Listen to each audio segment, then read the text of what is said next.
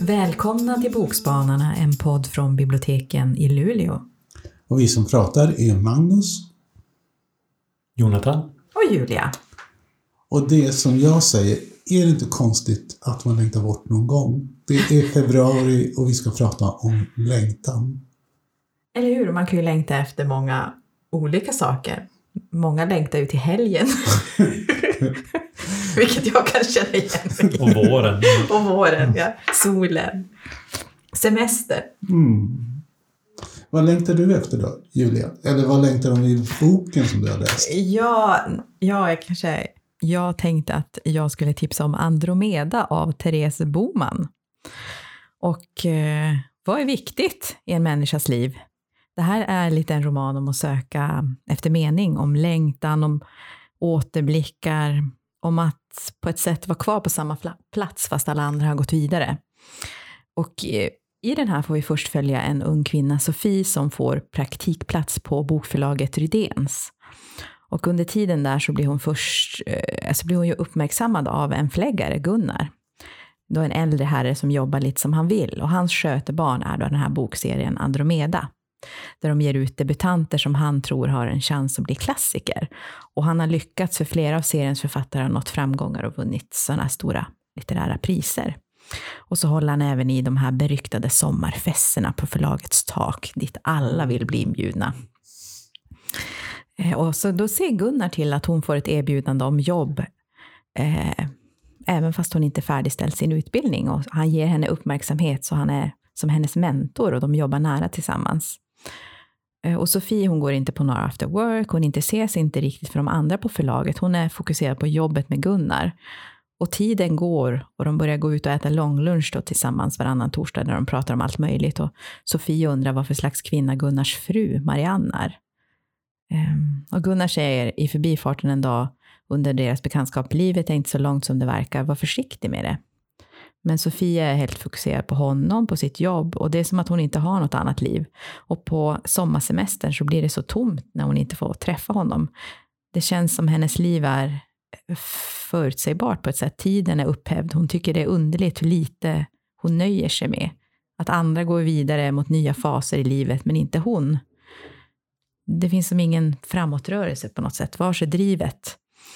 Jobbet med Gunnar är fasta punkten och det är uppslukande. Hon är på, hon är på något sätt nöjd ändå med den här typ skuggtillvaron vid sidan om alla andras liv. Men vad vill hon egentligen ha utav den här relationen kan man ju undra. Men när Gunnar blir sjuk och saker förändras på förlaget får hon för första gången på länge alltså lyfta blicken den här, som hon har haft. Um, hon kunde ju inte fortsätta på samma sätt. Hon har ju en ny chef, ny, ny, nya order, sköter barnet Andromeda. Den här bokserien vill de lägga på is. Den här Gunnars skötebarn och viktigaste arv. Eh, och Gunnar, vem är han? Hur ser hans liv ut? Hur hamnar han där han är? Eh, och han undrar själv när han ser tillbaka, vad ägnade han sitt liv åt egentligen? Och då får vi följa Gunnar i del två av den här boken, så den är som uppdelad i två. Eh, så det här är två personer från olika generationer som på något sätt delar bubbla ett tag, hur man ska uttrycka det. De har många likheter med varandra och bär båda på en längtan, men de är ensamma fast de är i grupp. Och de är fokuserade på sin uppgift. Eh, så nästan och jobbet är den stora uppgiften, så att resten av livet blir lidande. Ehm, jag tyckte att det var väldigt läsvärd. Hon, hon skriver ju väldigt... Eh, inte, alltså ni ser, den är inte så lång den här boken, men det, man får mycket med, mycket med sig. Det, det är väldigt fint språk. Um, det gav som mersmak. Jag har aldrig läst någonting av Therese Boman förut, men jag vill absolut läsa någonting mer. Det är, som inte, det är inte sentimentalt eller för... Alltså hon är väldigt så precis i sitt språk när hon skriver.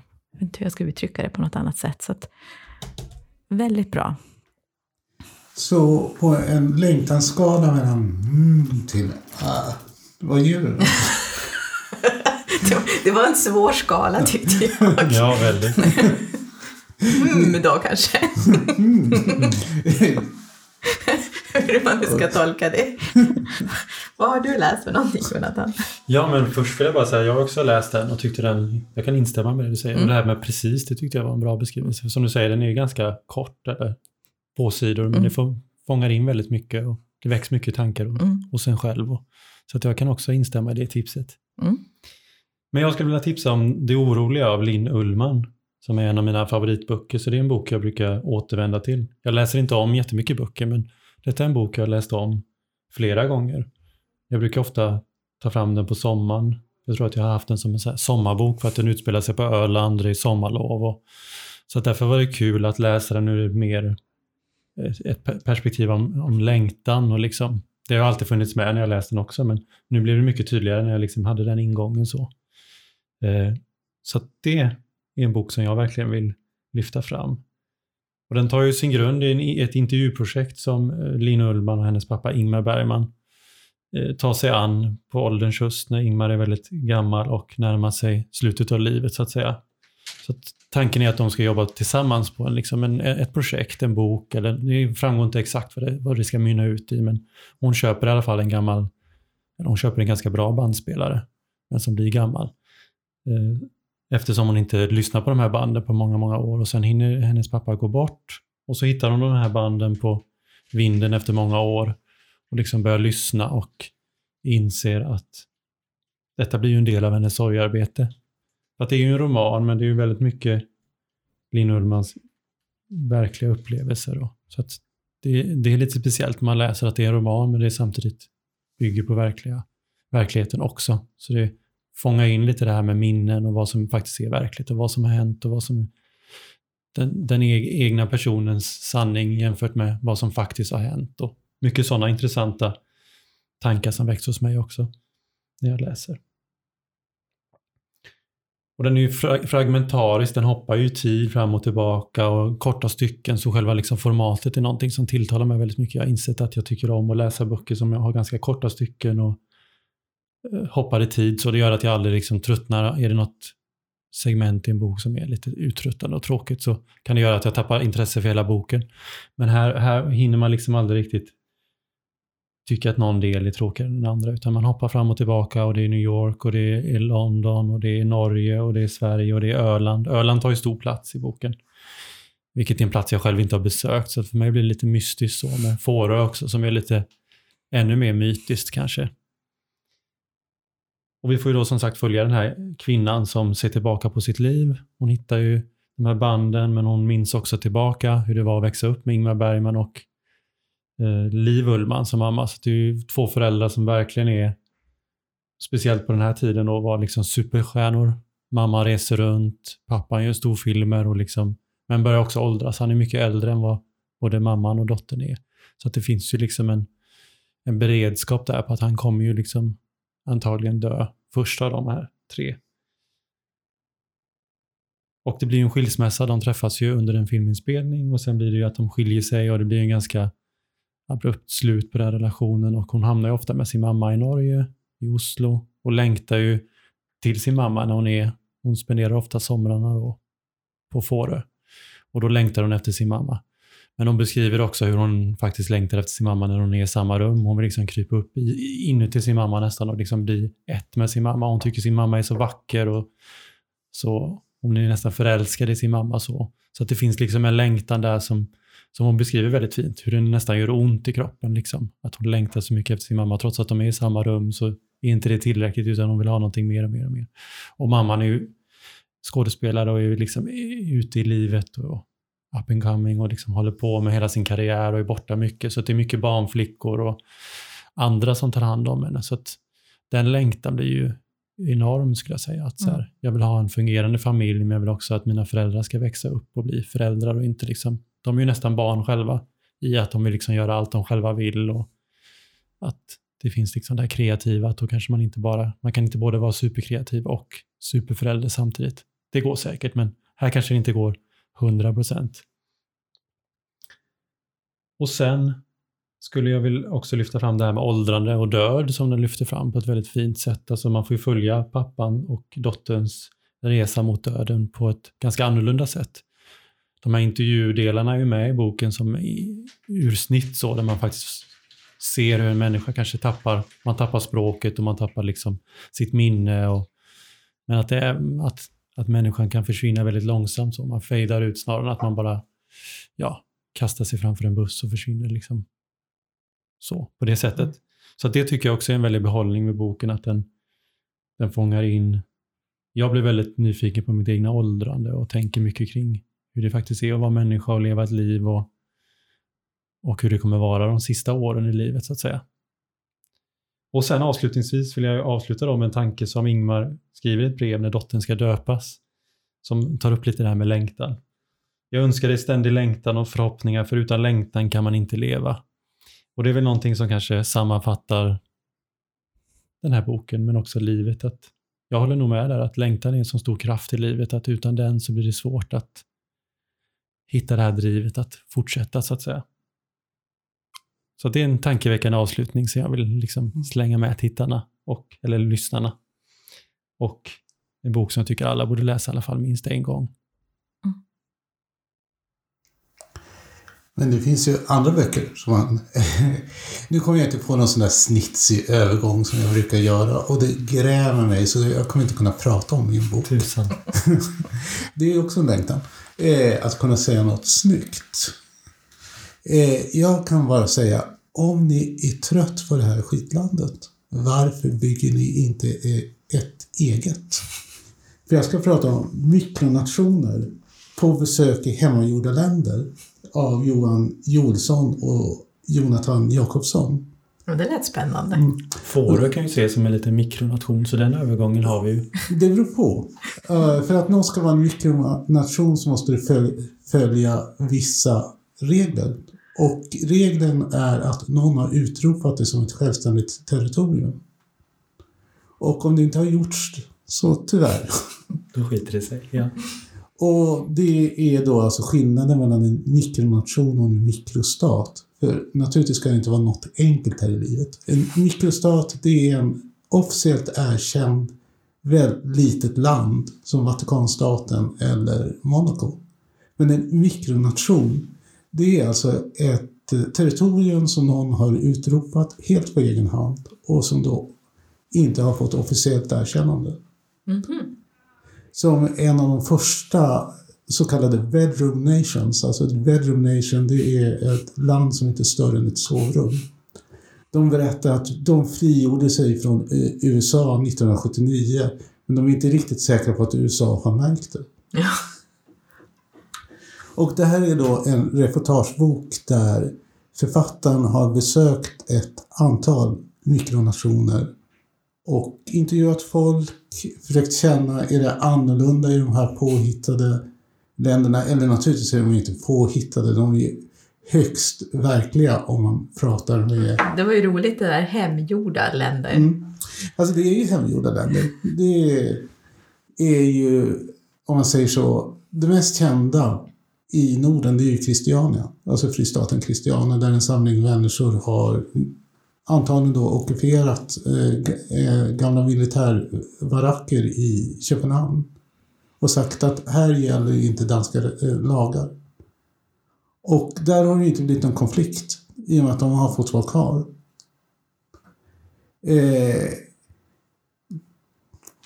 andra liksom mikronationer, det är som sagt jag pratar om bedroom nations, alltså man har ett sovrum som man säger nu är det här liksom ett eh, eget land.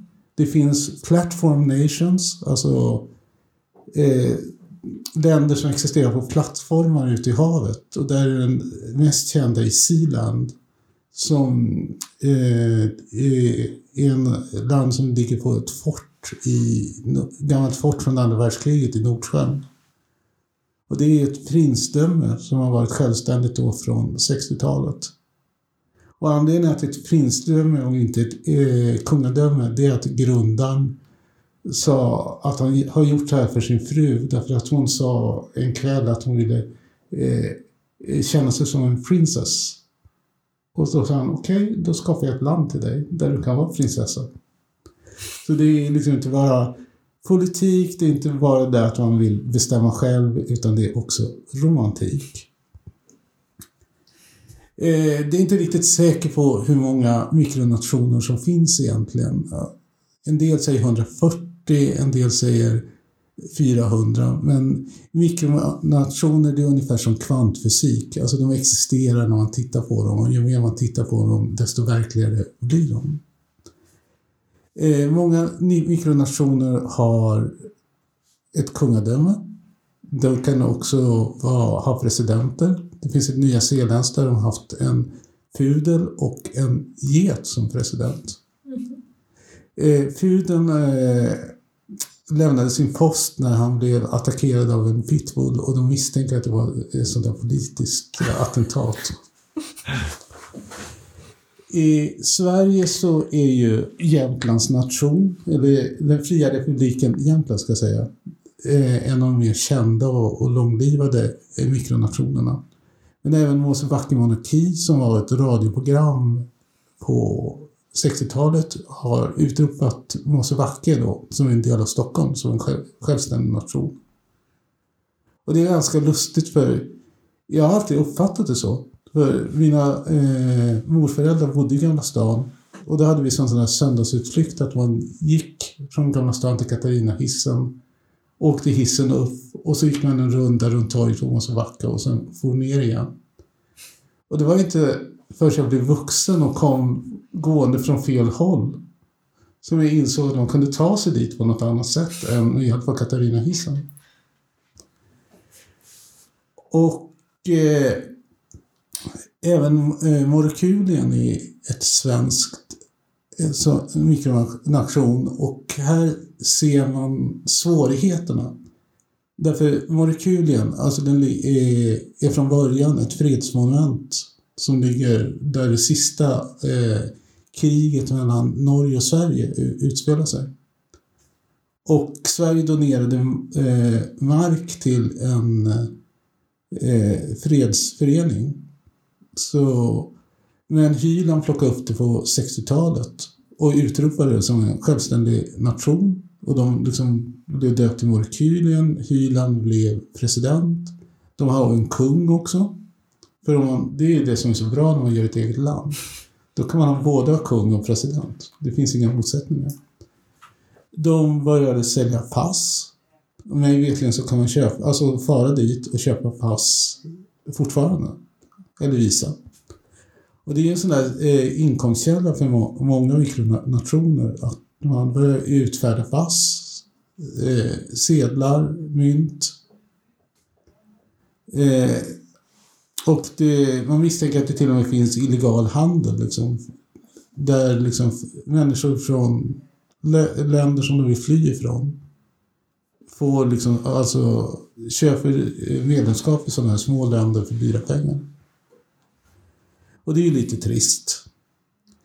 Eh, men jag tycker om den här idén att jag vill nog ha ett eget land. Och då är det här, kan det här fungera som en handbok. Den har många snygga bilder. Man får liksom en betydligt bättre redogörelse för hur det här går till. Så jag nöjer mig faktiskt att utropa mitt eget land och det landet kommer bestå av lyssnarens örongång där jag kommer vara den enda medborgaren och här kommer jag ligga kvar för evigt och berätta vad du ska läsa och du har inget val än att lyda mig för jag kommer inte försvinna. Underbart ju. Ja. Så du spår det... en framtids, god framtid för mikronationer med andra ord? Det gör jag. Eh, och det är väl fördelen alltså med mikronationer. Om man är missnöjd med det politiska systemet så är det betydligt trevligare, snällare att bygga sin egen senat än att storma någon annans. 100 procent, verkligen. ja, det var ju en spännande sätt att avsluta. Um, ja, jag tipsade om Andromeda av Therese Boman det här avsnittet. Och jag tipsade om Lina Ullmans Det oroliga. Och jag eh, tipsade om mikronationer på besök i hemmagjorda länder av Johan Joelsson och Jonathan Jakobsson. Ja, Eh, Då är det dags att avsluta då, så du har tid att ut, ut, om du ska uttrycka någon fler nation. Jag måste ju fundera na- ut en nationalsång först. Och ett bra namn. Ett bra namn. Ja, vi Ja, får- men det är ju örongånge, ja. ja, vi, vi får återkomma. Då. Hej då.